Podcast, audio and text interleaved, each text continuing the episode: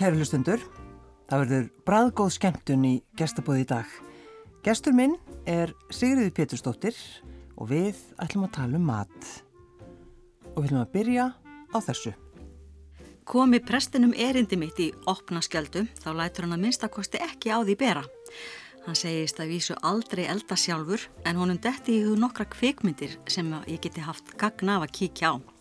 Ef hann er að nefna þær sem að komi fyrst upp í hugan, þá myndi það að vera kvöldi mikla, kokkurinn, þjófurinn, kona hans og elsku í hennar, sem sé að við svo óhefbundin og eigi ekki endilega við í þessu samengi. Borðaðu, drektu, maður, kona, súkulaði, gestabóð babettu, krylllegin hjörtu, tjönking hraðlestin og í réttu skapi fyrir ást, segir hann og afsakar þýðingar á tillum kvikmyndana. Hér séum að ræða lauslega snaranir eftir minni. Ein myndana fjallar reyndar sérstaklega um súkulaði eftir rétti, grundtótnin er barótt að góðs og íls, þar er sóknarprestur í mondikallin en konan sem býr til súkulaði fulltrúi hins góða, segir síra Tómas og brosir gladlega um leið og hann kastar hverju á gamla konu sem gengur hjá. Sigriði Pétursdóttir, velkomin í gestabóð. Takk. Þessi litla uh, klausa sem ást að lesa, þetta er, þetta er auður. Þetta er auður afa, Ólafsdóttir. Og hinn dásamlega bók afleggjarinn. Já, Já. einu af mínum uppáhalds. Og það var náttúrulega mjög gaman að lesa þennan gabla þegar ég las hann fyrst. Og ég hef búin að fjalla meira og minna um þessar myndir í kviku og einhverjum svona þáttum. Bíóþáttum og undan. Og, og það er náttúrulega, þetta eru tvö aðal áhugamáli minn. Kvikmyndur og matur. Já. Þannig að mér leiðist ekkert að vera þetta. Nei, þessuna bauði þér. það eru bara svolítið þannig. En það sem við ætlum að í rauninni að gera í dag, við ætlum að skoða nokkrar eh, kvikmyndir og ræðu matinn að sjálfsögðu og það sem, mér finnst bara við um að byrja strax á matarnöyttinni. Já, já þarna er hann að tala um sukulæði. Já. Með Juliette Binoss og Johnny Depp sem að margir kannast ná við.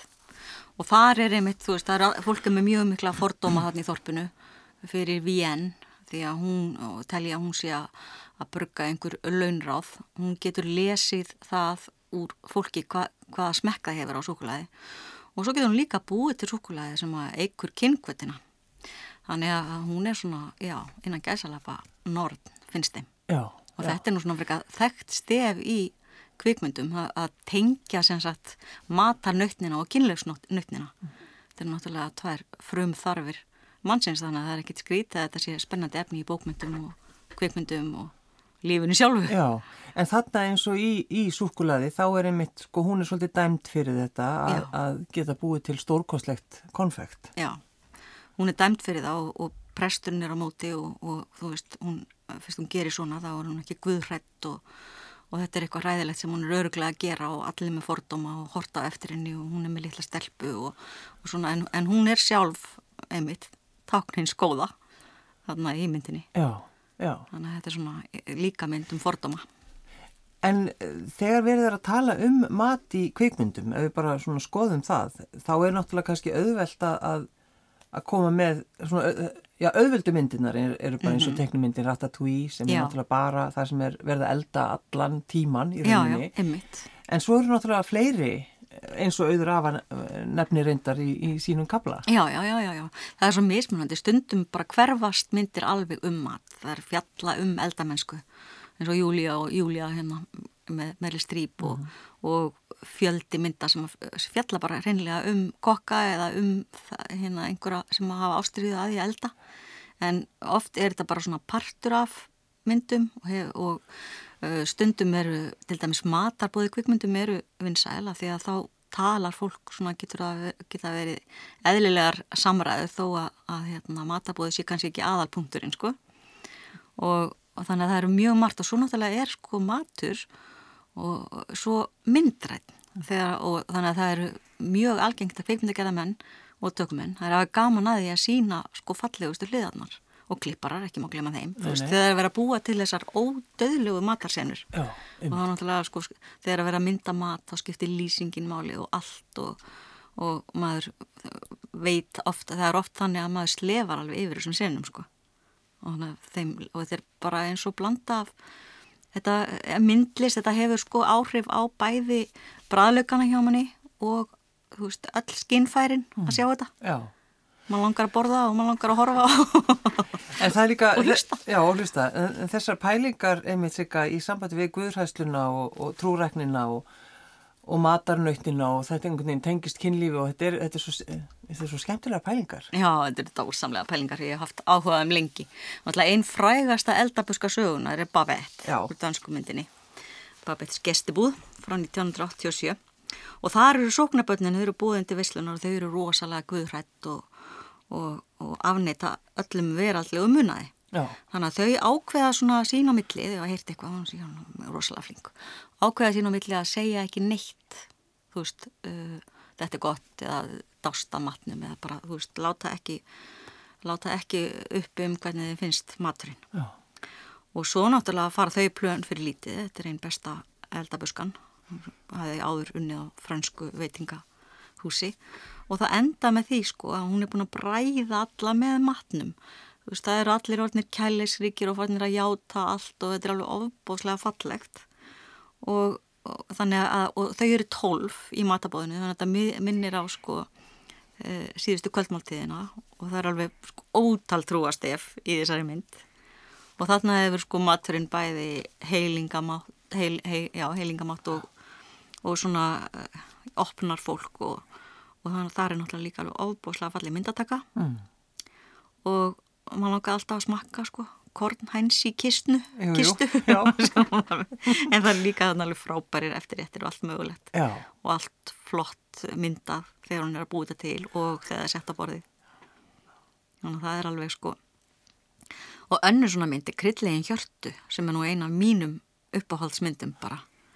Og hún er frá 92 og heitir á frummálinu Como Aqua para Chocolate ég er nú örgla mistýrum á þessu en, en það sem sagt er í beinni þýðingu eins og vatn fyrir súkulaði og vísa til þess að vatn þarf að vera við ákveði hitastig til að bræða súkulaði en það er líka notað yfir kynferðislega löngun eða þrá veist, þannig að sko, þetta er svona tvíræður titill sko. Já, já, einmitt.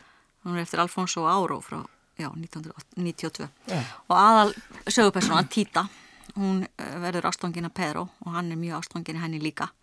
En þau með ekki eigast. Mammenar er búin að ákveða það að, að, að hérna, Tita ekki giftast núna sko, það er Rós Áró elsta sýstirinn sem á að giftast. Þannig að hún býður Pedro að giftast Rós Áró og hann samþykki það til að geta verið nálagt Títu af því hann elskar hann svo mikið. Og svo fara náttúrulega allar tilfinningarnar í að elda sem best fyrir fjölskylduna og þá náttúrulega sérstaklega fyrir Pedro og bara öll sko augnatilitin og þegar þau eru að borða ef að fólk hefur ekki séð þessa mynd þá mæli ég mjög með henni og bókinni dásanlega líka ég er líka með hana hérna. Já. og, og uh, það er bara algjörlega stórkoslegt og hún galdra líka, hún er líka galdra og það er svona töfrarreinsæði því. Því að, að sko uh, uh, sýsterina sem giftist Pedro, hún fær vindverki af matnum hennar. Og Pedro el, elski hana meira og meira. Og síðan sko síðan er önnur uh, sýstir sem ég var ekki alveg núna hvað, jú, Gertrú- Geirþrúður hún logar hins vegar af óbrennandi ástriðu sko. Hún er alveg má þegar hún borða matinn hennar, það er bara mjög erfitt fyrir hana. Já. og svo er sko einna hápunktu myndarinnar er brúðköpið því að hún grætur í degi þegar hún er að baka brúðatertuna og svo þegar að gestirni fara að borða sneðarnar af brúðatertinni að þá fara þeir allir að gráta og guppa og bara þú veist tilfinningin að bera þær ofurliði alla gestina Já. þannig að þetta er alveg, þetta er mögnum mynd sko En það er einhvern veginn sko að, að nota matinn til þess að tólka alls konar tilfinningar í, í kveikmyndum, þetta er svo skemmtilegt. Já, það er rosalega skemmtilegt Já.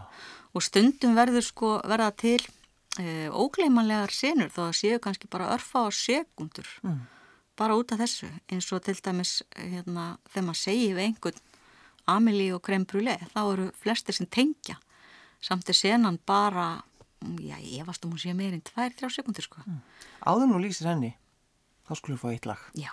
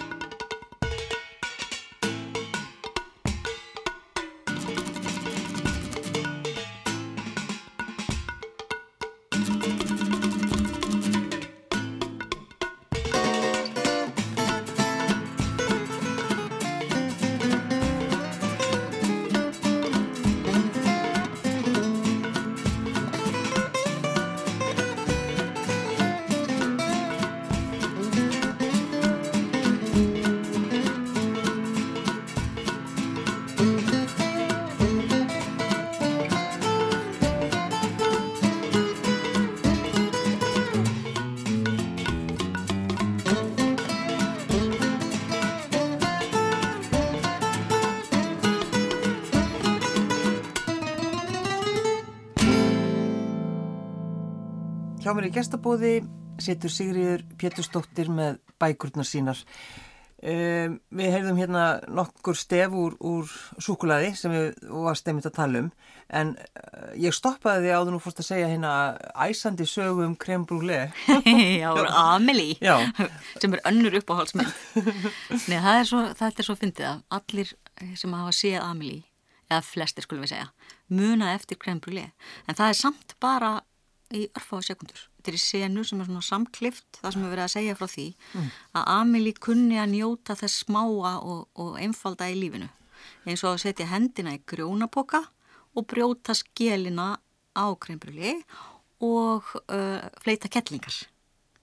Og það er sem sagt brítur hún skjelina og það er hljóðið og það er hvernig það lítur út það er teskeiðin svona þrís á sinnum í skjelina þannig að brotnar og heyrjum og allir vita hvað er undir. Já, já, já, já. sem að hafa smakað það. En svo er líka kannski einmitt að það tólka þessa senu á alla máta eða hvað? Hvað segir kvikmyndafræðingurinn um það? Það er náttúrulega hægt, ég hef ekki einu sinni verið að velta því fyrir mér en auðvitað, þú veist, hún er þarna eh, alltaf að koma fólki saman. Þetta er þessi mynd fjallar um ástina.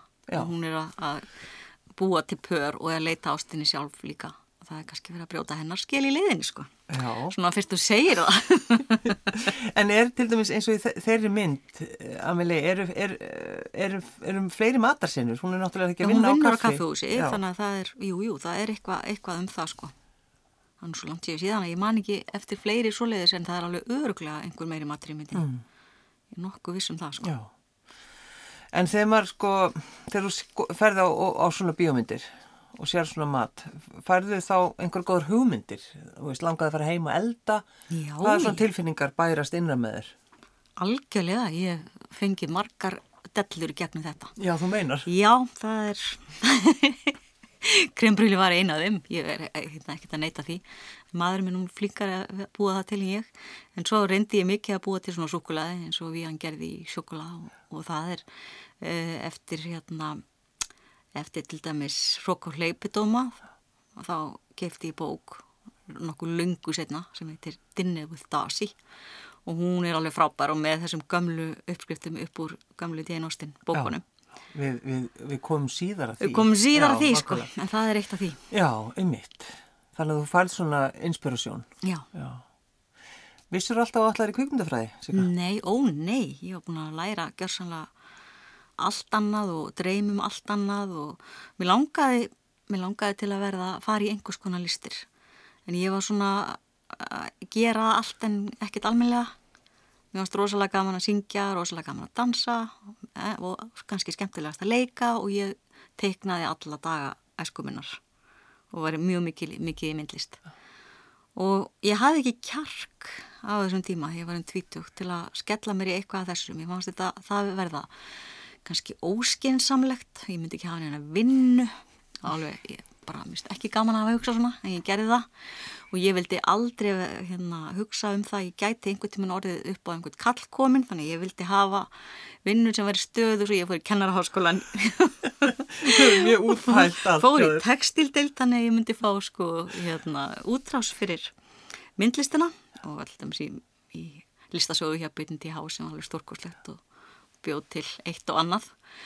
Og svo fór ég í leiklisskóla Helga skúla svona með til að fá út, útrás fyrir það úr stúdendaleikusi og það var bara allt mjög skemmtilegt sko. En svo náttúrulega var ég engin kennari sko. Ég held ekki nokkru maður með börni, ég var bara vinuð þeirra. Og fór svo að kenna fullorðnum upp úr því að sveima og svo þegar ég var búin að kenna svona konu númi 600 að setja rennlás í buksur þá nefndi ég ekki lengur. Þá fór ég í kvikmyndafræði sem að saminar svolítið á á öllum listum og það var mjög gott að vera með hennan grunn úr tónlist, leiklist og myndlist þegar maður fyrir kvikmyndafræði. Já, hvað gerir maður við kvikmyndafræði? Já, þetta sögðu nú margir. Þú að fara í annað nám, annað háskólanám, 35 ára, hvað er að þér? Hverju velur ekki að skinsamlega? Þú, þú, þú kemur aldrei til með að fá vinni við þetta. En svo vann ég nú bara við þetta hér á rúf í mörg farsæl ár og núna er ég aðalega að skrifa. Já, Og það er kvikmyndafræði náttúrulega í, í heldur betur kemur að góðum notum líka. Þannig að, þannig að það, allt sem maður lærir held ég, kemur mann að notum einhvern veginn. Það er bara þannig. já, já. En eru sko, en bara skoðar íslenskar bíómyndir. Við erum í rauninni bara í þessum þætti að tala um ellendarmyndir. Já. En þú, þú fórst að reyna eitthvað að týna til sko með mat í íslensku kvikmyndum og það er ekkert, það er ekkert dólega skemmtilegt. Það er einhvern veginn. Ég, sko, nú er, nú er ég með stóran fyrirvara. Já. Það er bara mjög líklegt að ég, að því minni myndir ekkert sérstakt. Nei, og þú, það, þú klúrar þessu. og það er alveg fullt af myndum örgulega sem ég er að gleyma og einhverja stórkostlega matarsinnur sem ég man ekkert eftir. Já, já, þá bara lætið svona- ringi í þig. Ég segi Ég það, þá bara ekki. kvartaðir. Já, já. En ég myndi í fljótu bræði, náttúrulega myndi ég eftir aðförum fólksins sem það var að borða í vikingamyndunum hjá Rafni. Já, Mjög grótest Allt svona og, einmitt, og allt eitthvað svona átti vel við en, að- en ekki beint svona til þess gert að, bræðlaugarnir fær á fullt hjá manni og þegar ég var að hugsa um það, þá hugsaði já, svo er það sviða kjamarnir í mýrinni, sko. já, Það er náttúrulega svolítið af sama meiði. Svo er náttúrulega eina af uppáhals íslensku kvikmyndasögu senunum mínum er slátur senan í Nó- Nóa Albinóa þegar hann missir blóðið á gamlu konuna. Þannig að það er líka matur þó á annan hátt sé. já, Og svo í Englum alheimsins er náttúrulega sena sem allir þekkja. Við erum allir vistminn á kleppi. Jú, jú. En það eru þeir að borða góða mat á sögu.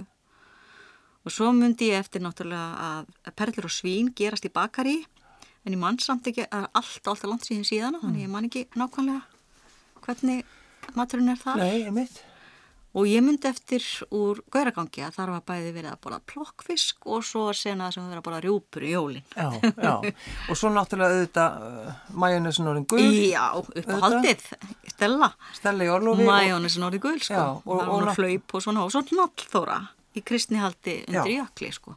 En allt, en allt samt, er þetta einhvern veginn svona senur sem er eitthvað uh, yktar Já. og það er ekki kannski verið svona eitthvað að fókusera á einhvern bræðgóðan mat? Nei, ekkert sérstaklega Nei. þannig, sko. Það er svolítið svo leiðis. Þannig að það er, já, maður hefur ekki séð, ég hef ekki séð, ég vissum að ég hef kannski mistað einhverju, nú bjóð ég lengi út og ég hef ekki séð allar íslenska kveikmyndir undanfærin ár, en ég hef ekki séð neina svona nýju og hálfra viku ískapasenu eða eitthvað í þá áttina í íslensku myndum.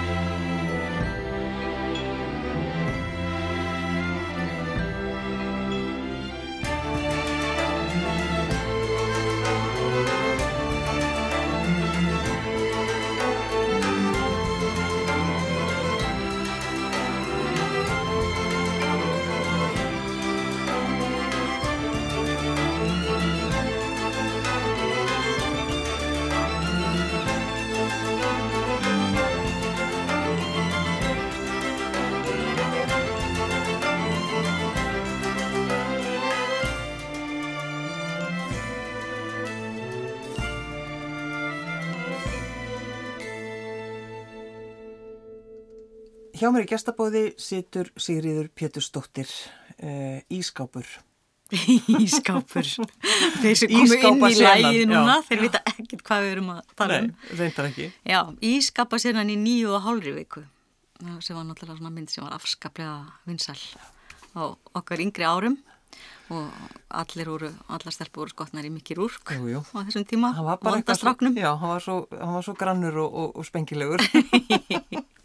Já, og ég held að það hefði verið sérstaklega þessi kynþokka fulla sena sem að gerði mjög mikið, sko. já, En þannig eru þau fyrir framann ískapin og lýsingin úr ískapnum og, og eru, þetta er svona forleikur að kynlífi já, og, og jarðaber og ég veit ekki hvað.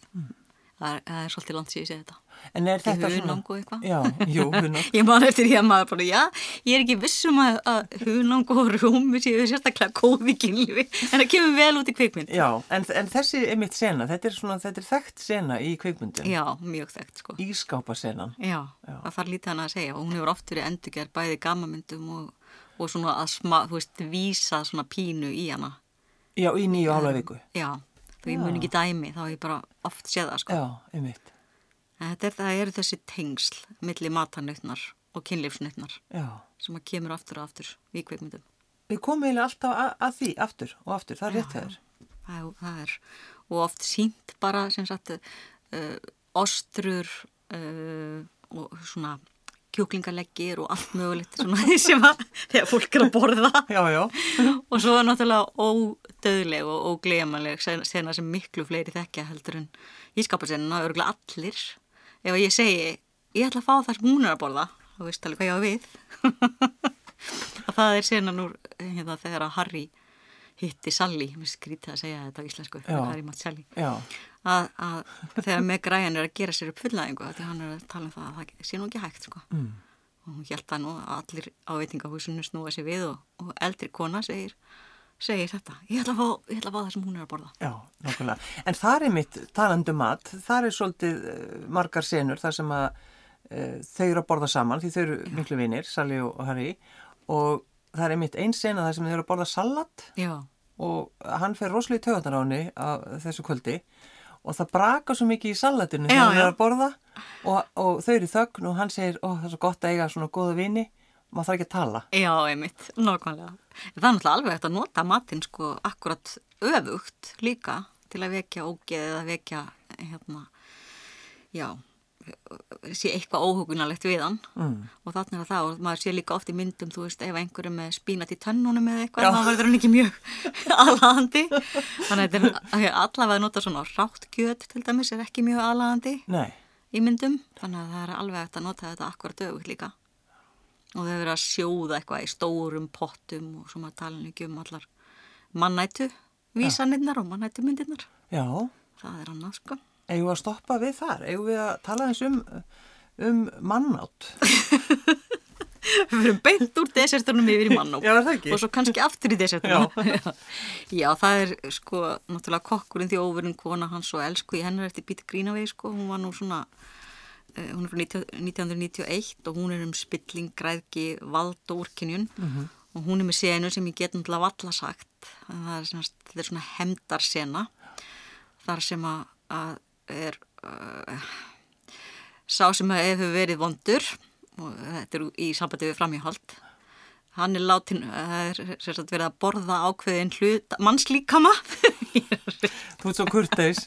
Er svo þú veist að, kurteis. þú veist að hlustundur á sér eitt þóla allt sko. já, já, já, já. Það er hann að matriðt tippi. Já, það er í þeirri mitt til dæmis. Og svo er uh, delikatessen ég var svona aldrei skemmtilegt að heyra hérna það einhvern tímann að hann Sján Pér Sjöneði sem er sá sami og gerði Amelie líka sinna hann fekk sko hugmyndina að mannættu slátraranum í henni þegar hann bjóða á hæðinni fyrir ofan slátrara í París Mm. og hann vaknaði á mótana við að heyra svona chop, chop, chop, chop ég, ég veit ekki hvernig það er á fransku já, já, þannig að þannig fekk hann hugmyndina að henni. Já. en hún var, þarna er sko slátrari og þarna er kynlíf líka mjög mikið og það er enda svo mikið kynlíf í henni og svo sem sagt gróft kynlíf í henni í sambandi við á þeim tíma að hún var bönnuð mjög víða eins og í bandaríkjunum og eða svona sett á hana þannig að bara rífullandi mætti sjá hana og, og hérna Helen Mirrell leika eitt af aðaluturkonum en, en Evrópu búar þeir kalli ekki allt ömmu sína þannig þeir þólt hana sko En er delikatessin, er hún bönnuð á ein- á einhver staðar? Það, ég held nú ekki, ég hef ekki hugmynd um það. Mér finnst það mjög ólíklegt nú orðið sko, Já. og nú miklu verið, en það er náttúrulega bara að fyndið að ég vil eitt má alveg sko sína hausana fjúka, en en liðu það er gervarta, þá er það annað mál sko. Jú, jú, það er með sér ennþá þannig. En um, um hvað fjallar þessi mynd og af hverju, hva, hvar kemur maturinn inn í, inn í hana? Í delikatessin?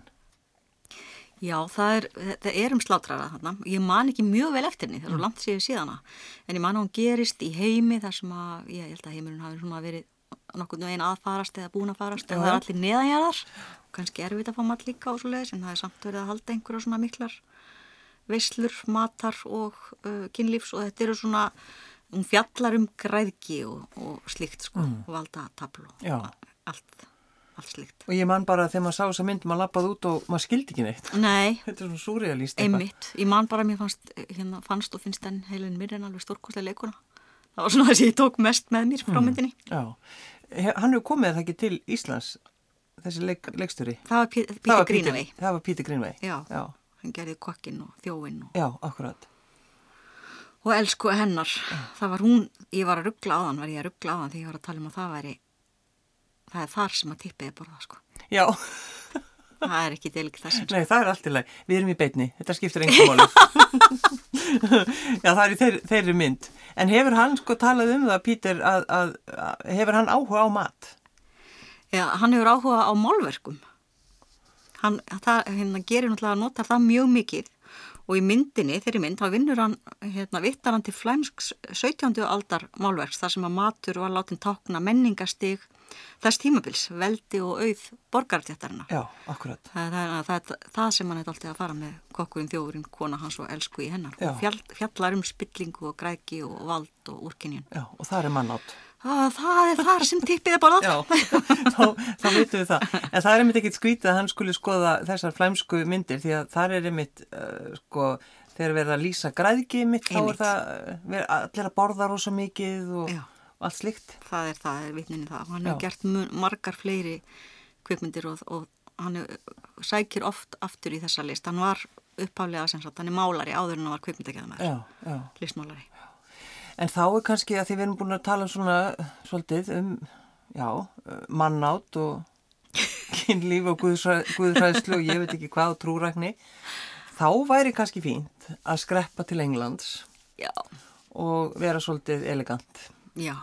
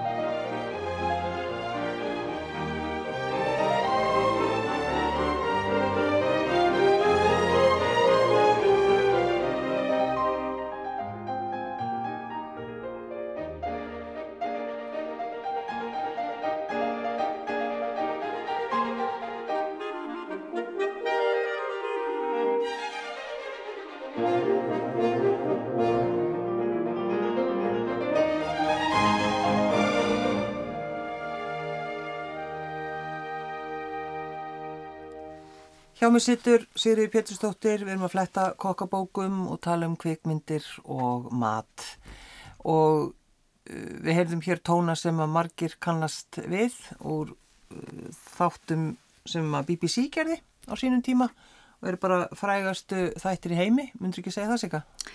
Fyrir mig, Ró, já, ég skulle bara segja það. Já, Hrókjón Leipidómar. Hrókjón Leipidómar er stórkosleir og myndinu ég hef séð, þú veist, allt sem hefur verið gert líka svona sem að vísar í það Bridget Jones en nú bara Rokki og Leipidómar fjöldi. Og það er til dæmis í kvikmynd sem að eh, já, í kvikmyndinni Rokki og Leipidómum þá er ég ekki að tala um þáttaröðina. Nei. það er einmitt sena, matarsena alveg stórkostleg. Já. þá eru þið búin að vera í enn einu partíinu. Jú, jú. klukkan er svona kannski 11 um morgun. Þau setja öll fjölskyldan og móðurinn náttúrulega dæsir og, og, og vesen á henni. Já, já. en ég hef aldrei séð annan eins mat. Það er sko kallt svínakjött það er bara svona breskur matur og það, er, það flæðir í mat og þetta er bara svona eins og kvöldverður. Það er ekkit verið að fá sér einn hambúrgar þarna eða fólki timbrað sko. Það er bara hlaðborð. Kallt svínakjött og nautakjött og ég veit ekki hvað. Það er náttúrulega sko hérna, matur er mjög ríkjandi í bókum dynastinn og náttúrulega í myndum og þáttum líka þar af leiðandi sko. Já og, og allt frá því að vera svona hlaðborð og yfir í að hafa heilmiklar uh, hérna, heilmikinn tilgang bæði í, í, í sögunni og til að sína hluti sem að maður á að vita eins og ég vissi það ekki til dæmis fyrir en ég bjóði til Breitlandi að kvítasúpan sem er í hróka og hlipidómum mm. þetta er svona súpan sem er svona hápunktur þegar það er ball það fá allir kvítusúpuna mm og, og þegar að, að, að, að hvort þú ert með kvítasúpu og svona getur tákna líka hvar þú ert í, í hérna, stjett þú veist, ef þú ert með efstu stjettinni þá getur þú haft franska kokka sem kunna þetta algjörlega. En ef þú ert með breska kokka þeir geta kannski svona klúra, klúra þessu saman sko. Já. þannig að það, það er bara, bara þessi kvítasúpa þú veist, sem við lítum bara á sem kvítasúpa hún þýðir miklu meira ef maður þekkir breska breskar hefðir. Já En, og braska stjætskiptingu kannski. Já, heldur betur. En þá erum við í rauninni núna komin á ballið í Neðafíld. Já, ballið í Neðafíld sem að Mr. Bingley heldur og, og þetta var sem sagt tápunkturinn, kvítasúpan. Og hún er með eh, sko, mjög spes, ég reyndi einhver tíman að var eitthvað reyna búana til en kefti bókina úti. En, en það er svo margt í henni og, og svo skrítin samsetning. Já Ég, ég hef aldrei smakað hann eins og hún á að vera sko, ég tekka fram. En það eru þarna sko, það, eru, það er til að gera soði náttúrulega örgulega, kjötsóði, það eru sko bein af kálvi og svo er fuggl og svo er skinka, síðan er hrísgrjón og það er ansjósur og það er svarti pipar og svo eru júrtir eins og steinselja og, og hérna, blóðberg og fleira sko að kalla sætajurtir. Það er eitt stór laukur og svo er selleri og síðan þegar það er búið að sjá þetta allt saman þá er sett sko setta malaðar möndlur sjáasalt og rjómi. Þetta er svona ekki kannski svona það sem að maður er mjög vanur að setja saman sko. nei, þetta hlýtur að vera mjög matmikið sko. Já þannig að þessi, þetta er súpa sem allir fengu á, uh, á ballinu, á ballinu. og það er búin að dansa og svo kemur hápunturinn og þá fóða það súpu og svo geta það dansað áfram. Já. það var einhvern veginn svo leiðis allavega alltaf talað um þetta sem hápunt balsins. Kvítasúpan. Kvítasúpan. En ég prófaði líka að gera svona jarðabyrjartartalettur úr þessu og þar voru mjög fínar og svo prófaði ég sko bökuðu eplin uh, úr emmu og hérna, mér fannst þau ekkert sérstaklega góðinn. Hvernig eru bökuðu eplin? Bytti nú við, þeir voru með negul minni mig Já, og náttúrulega úr rásikri og, og, og, og mér minnir að það hefur verið, það er, er hérna, ég nenni ekki að leita uppskriftin í þessu, það er ábyggilega sko appi sínu börgur frekar en sítrónubörgur. Já. Já, jú, það er þannig. Og svo er þetta, þessar uppskriftir allar uh, eru í þessari dásamlega bók sem heitir Dinner with, Dinner with Darcy. Já, Já, Dinner with Mr. Darcy. Og ég kefti mér svo leiðis í, í Austin safninu í Bath. Já, já. Það, er, það var ekki leiðilegt. En, en að því að þú talar um það Jane Austen, hún náttúrulega er með, uh, talar mikið um mat og það er þetta að rækta allan matið sinn. Og hún sjálf náttúrulega alveg þannig upp og hún var náttúrulega í garðurkjustörfum eins og flesti. Já, já, já, eins og fólk er voða mikið komið í aftur. Já, einmitt. Og það, það er náttúrulega, ég skil hann alveg núna og, og allt þetta, tali í bókunum sem ég var kannski ekki tengja við áður en ég, því ég byrjaði að gera þetta sjálf líka núna, það er alveg, það er öðruvísi bræðamatnum þegar maður er búin að rækta hann sjálfur, já. það er bara þannig. Já. Og kannski líka það að kemur úr jarðviði sem er bara í bakarinn hjá manni og er, er ekki svona búið að setja einhver efni og, og ekki búið að ferast á melli landa og allt það. Sérst þessi súpa, þessi kvítasúpa, sérst hún í kvikmyndinni eða er þetta bara svona allir vita það að það er allir að borða þessa, þessa kvítasúpu? Aftur kemu, komum við að minni mínu, ég mann það ekki. ég, ég fann ekki þessa séðan, ég var að reyna að finna hana til að rifja hana upp á hérna, YouTube. Já, en það getur líka bara verið, það, það vita allir að þú þurftur að borða kvítasúpu þegar þú varst að djama. Jú, jú, og þetta var náttúrulega, þú veist, talaði mitt í bókinni og allt það. Já, já. En hefur þú, uh, sko Sigga, þegar maður er að hugsa um svona mat og matar áhuga eins og þú, þú hefur, uh, þá finnst manni svo oft gaman að sko fá að vita hvað mat þú ert alveg upp við. Já, ég er alveg upp við svona dæmi gerðan íslenskan mat eins og var okkar, okkar tíma. Reyndar mamma og amma höfðu báðar og ömmina mínum báðar mikið áhuga og mjög flinkar að baka og, og ég fekk það alveg í, með móðumjölkinu og hef ennþá mjög gaman að því þó ég megi ekki borða lengur og borði ekki lengur neitt það sem er venjulegi bakstri. Nei, einmitt. En maður fær bara útrás fyrir það og bakar öðruvísi. Mm. þannig að ég er alveg fyrir það en svo er ég alveg fyrir bara kálbókla og, og uh, plokkfisk og, og saltkjött og allt þetta og, og reynda að láta mig borða sínfisk og ég gæti það aldrei og svona ég var reyndar sko, ég hef verið ég borðaði nú flest sko, ég let mig hafa það. Já. en ég, ég man ennþá þegar móðurfyrsti mín kom með hérna, kom með spagetti, þurka spagetti frá sem fjækst ekki á Íslandi þá. Þegar hann var kom frá New York og bjóð til eitthvað svona heima á húsæfi kandokur og það þurfti náttúrulega að sjóða kartablu með þessu og allt svona spagetti það, það fannst þetta öllu mót nefnum mér, mér fannst þetta alveg rosalega gott. Og, og þú veist, það er margt svona. Ég man, man eftir því að ég var að segja ömmu hvað mér fundist rækjur æðislegar. Þegar var sko rækjugóttilar komist í tísku 1980 eitthvað. Og þá sagði amma, nei rækjur það er bara verið hænunar þannig að það, þú veist, það er það er náttúrulega breyst alveg rosalega mikið hvað maður er að borða alveg frá því að maður var lítill á hanga til núna. Já, en að því þú vart að eh, býrða Húsavík, eh, var það þannig, var, það hátdeismatur eða? Já, það var oft hérna svona uh, allskynns hátdeismatur, mamma söði gætnan egg og gerði allt með og það komu sem sagt pappi hann með ljósmyndastofun á neðri hæðinni Já.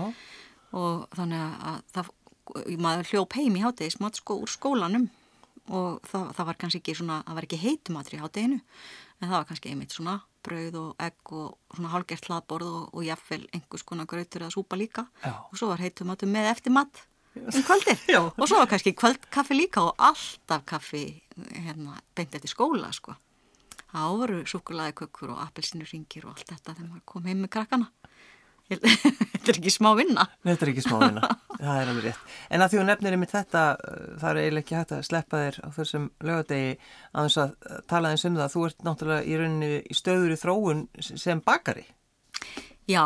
Má ekki alveg segja það? Það má alveg segja það þú sért ég... ekki lærður bakari? Nei, ég er gift kokki og þannig að ég fæ líka sko útrásuna með honum og hann er meira svona kokka, hann er þetta bakar stórkosli brauð sem ég má síðan ekki borða en eftir það, ég, ég greindist með sjálfsónæmisjúkdóm og fór í prógram hjá Hildi M. Jónsdóttur til að reyna að láta matinn heila mig mm -hmm. sem hann gerði og nú er ég búin að vera livjalös í tíu mánuði og þakka það á hverjum degi að uh, þá má ég ekki borða glúten eða mjölkuvörur eða sigur eða neitt af þessu mm. þannig að ég hef þurft að vera að þróa alls, allt mögulegt og finnst núna alveg ofbóslega gaman og ég er svo stolt að ég er að búin að búti bollur sem að bæði líkt út og bræðast svona um það eins og brauð og fullt af fínum eftirréttum og kökum. Já. Og það er sko, fyrst var ég svona öskrandi yfir þessu, þetta var svona eins og ógeðsleg guppa á pannunni, ég var að reyna að steki af vegan pannukökur og það var allt í klessu og þá bara salta ég það með tárunum og það eru ræðilegar og upp í það ég fyrir að sko monta mig með einhverjum ægilega fínum matamyndum úr Facebook þannig að þú til dæmis uh, það má nefna það að, að pönnukökurnar þar eru svolítið að takast hjá þér þá núna eða hvað já já, ég, myna, ég er búin að vera þróa þetta kannski já, tvö ár já. og, og þær voru ekkit fínar og, og svona fingjarðar og það var vægast sagt, þær voru bara mjög ljótar sko. En að þú nefnir einmitt þetta sko, matur sem heilar. Já, hann gerir það. Hann, bara, hann- getur heilamann bæði andli og líkamlega. Og þó að þetta hafi verið akkurat sko svo leið sem að hendaði mér í mínum bata að þá er fólk alveg ofbáslega misjant og sumir þurfa að heila sig á einhvern allt annan hátt. En ég held kannski bara að fólk þurfa að hugsa aðeins meira um það. Nákvæmlega, þú veist, er ég, líðið mig vel af þessu sem ég er að borða? Þú veist, hérna er, líðið mig vel í lífinu bara og af því að maturinn er svo ofbóðslega stór hluti lífsins það er við erum það sem við borðum það er engin, það er ekki ofsögum sagt. En maður hættir ekki að vera matgæðingur þó að maður þurfi að gera svona. Maður bara finnir einhverja aðra leiðir. Já. En það er til dæmis eh, að þú talar um, um matinn að þetta er svo mikilvægt fyrir okkur að þegar að, að maður hittir fólk og fer að tala um mat, það er einhvern veginn svona, maður getur alltaf talað um mat. Já, það er alltaf eitthvað svona sammeilegt það er mjög fáir smarfið hitt sem hafa ekki allavega gaman á að borða sko. Nei, og Já. það er kannski, en það er meiri sér að samt hægt að rífast um mat. Já, Það er líka að gera algjörlega. Það er hægt Það er bara mjög auðvelt. Já, og hvernig hann á að vera og allt þetta og hvort að ég á eitt frænda sem hata kóriandir og hann setur alltaf einhverju svona mjög fyndnar, hérna, fyndin komment þegar ég er að byrta mynda kóriandir eða einhverju með kóriandir. Já, já, Veist, það er mjög, það er mjög skemmtilegt líka, sko. já. Og svo er, já, svo er, af því við vorum að tala um bíómyndunar áðan, að það þarf, þarf ekki endilega að vera svona eitthvað fínt eins og við hefum verið að tala um, sko. Nei, nei, Til dæmis hambúrgarasennan í, í Pulp Fiction, algjörlega frábær hún er, er stórkostleg. Þú veist það er þeir eru í miðju ráni þarna. Og, og hérna allt í einu fyrir hann að borða hambúrgara sem að er uh, á diski mannsinn sem að hérna, situr þarna um ekki að viðskiptavinna sem er inni og fyrir að borða hann og, og dástaði hvað sér dágsamlega þessi besti hambúrgari sem hann hefur fengið því hann á konu sem er hérna grænum eitt sæta og hann fá aldrei svona hambúrgara og þetta er svona inn í miðju, miðri senu. Já, og þannig að þessi hambúrgari hann er sko afgreiftur á mörgum stöðum. Bara hambúrgarinn úr Pulp Fiction. Ostborgari. Já, og svo hérna eh, kúbanska samlokan á ég að segja þið frá henni úr sem frá, frá 2014 það var hansi skemmtileg reynsla að ég bauð manninu mínum hann átti ammæli og ég bauð honum í, í Food and Film sem er í Odeon í, í Böðarlandi í London. Og það er þannig að, að sagt, það er framleitu matur um leið að maður horfir á myndina. Og þjónarnir eru allir alveg svart og dökklættir og þeir skrýða svona, þú veist, að maður hvorki heyrast í þeim. Þeir tippla tánum og þeir eru svona náttúrulega að passa að skikja ekki tjaldið eru að bera í mannmatin og þarna horfðum við, fór náttúrulega með kokkinn á myndum kokk chef og þar sérst, var framreitt kúpanska saml samlokan sem er í myndinni þannig að hann borðaði samlokuna um leið og hann horfði á hann búað að búa hann til já, meðan að, meðan að verið að búa senan var. meðan senan var í myndinni þá var Garðar að borða þessa samlöku Já. Um hvað fjallar þessi mynd? Hún er um kokk sem er með svona matarvagn hann er í miklu uppgjöru í sínu lífi og það hefur allt svona farið frekar illa hjá honum og, og hann fer í svona ferð það hefur engin trú á honum en svo er hann alveg stórkoslegu kokkur og fer alltaf ganga vel að sjálfsög Já, þannig að já, þannig að hún er um matreyslu hún er eina af þeim myndum sko þetta er, þetta er orðin fræg samloka Þetta er bara samloka Já. sem að fólk þekkir. Já, já. Og hvað, er, er þetta að gera hana? Uh, hún er byttin og við skulum nú aðeins sjá hvað hún var hérna ég kom með hana með mér líka sko uh, hún er gerð af kokki sem heitir Toy Chai ég er öruglega líka að klúra þessu þetta er svona stjörnukokkur einn af þeim sem uh, kallaði stjörnukokkur og þetta eru sem sagt uh, tvær sneiðar af, af skingu bara hérna skingulæri hvað heitir það? Já, já, Já. Svínala, svínalari. Svínalæri. Já, Þetta er sem sagt tvær sneiðar af svínalæri og svo eru fjórar stórar sneiðar af, af hérna, kryddlegnum kryddlegnu svínakjöti. Og uh, svo er náttúrulega bakett, bara hvít brauð og það er uh, brætt smjör og það er bandarist sinneb og tvær sneiðar af, svissnesku mosti og þetta er svona grillað og, ég- þú veist, mér fannst þetta ekki kannski endilega vera eitthvað svona mjög merkilegt svona samlo, skinkusamloka en þetta er mjög Þetta er meira mjög- en skinkusamloka. Þetta er meira en skinkusamloka og ég hef alveg fengið að heyra það sko já. En þetta einmitt að, að upplifa svona, þetta hlýtur að vera svolítið skemmtilegt. Já, það er alveg ótrúlega gaman sko og mér hefur oft dremt um að það væri hérna, það er eitt af mörgu sem að væri skemmtilegt að væri til svona veitingahús eða kaffihús með bara réttum úr kvikmyndum. Það er úr svo miklu velja. Þannig að ef einhvern langar að gera það þá er ég til ég að vera ráðgjafi. Já, þú ert til ég að vera ráðgjafi Sigga að því þú ert með hugmyndir að einhverju sæta, sætu. Já, það getur til dæmis verið desertetnar og kökurnar úr Marie Antoinette eftir, eftir Sof Sofíu Coppola frá 2006 og svo náttúrulega fínu ekler hérna uh, vastegsbólurnar og það allt saman úr Grand Budapest Hotel. Það er ekki slæmt sko. Nei, þetta, þetta er góð hugmynd. en að því að, að við erum búin að tala svolítið um mannátt og, og, og þá var ég sem bara gaman að loka þættinum einmitt á sko mjög skemmtilegu mannátti. Já, skemmtilegu mannátti. Jú, það, það má kannski kalla að það. Mjög svona, við erum mjög létt og það er í þessu mannáttstali. En allavega það er það þannig að í stektum grænum tómutum, bæði bókinni og í myndinni, sem ábyggilega margir hafa séð, að það er mannáttsina sem mm. er dalti mögnuð, sko.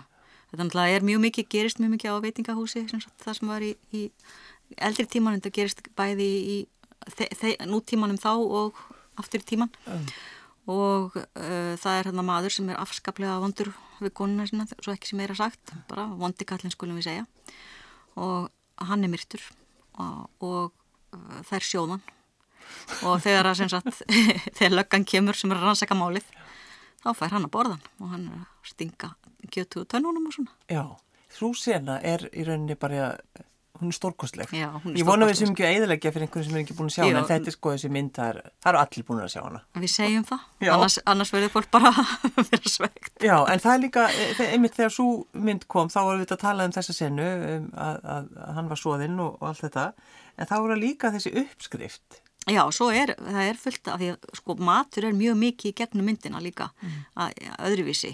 Og svo eru stekti græni tómatar sem hún heitir eftir. Það eru uppskriftunar eru hérna aftur, aftan í bókinni, aftast í bókinni sko. og það er hérna stekti græni tómatar með sósu þrjár matskeiða beikonfeiti fjóri stinnir græni tómatar í hálf centimetra sneiðum egg slegin í sundur, bröðmilsna kveiti, mjölk, salt og pipar. Og þannig að það að hýta beikonfeitina í þykri pönnu dífa tómatunum í egg og síðan í bröðmilsluna og svo að steikja við hægan hýta það til að vel, er vel brúnt að báðum, báðum einn. Setji tómatan á fat, látið eina matskeiða kveiti á múti hverri matskeiða feiti út á pönnuna og hræri vel. Helli síðan einum botla af heitri mjölk saman við og hrærið. Sjóðið þetta sósan hefur þyknað, ræðið stanslust, helliði við tómatana og berið fram heitt. Og svo stendur það besta sem til er. Já. Og það eru loka ár bókarinnar. Besta sem til er. Stekti grænir tómatar, við endum þar. Eh, Sigri Pétursdóttir, takk fyrir að koma í gestabóð. Takk fyrir mig.